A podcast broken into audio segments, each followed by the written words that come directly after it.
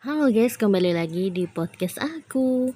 Pengertian musik menurut para ahli yaitu ada Jamalus menyatakan bahwa seni musik merupakan karya seni yang menghasilkan bunyi dalam bentuk lagu yang mampu menunjukkan ekspresi pikiran dan perasaan penciptanya melalui unsur-unsur pokok musik seperti melodi dan harmoni, sedangkan leksikografer menyatakan bahwa musik ialah ilmu dan seni dari persatuan ritmis, nada-nada, vokal, instrumen yang melibatkan melodi dan harmoni dalam suatu emosional.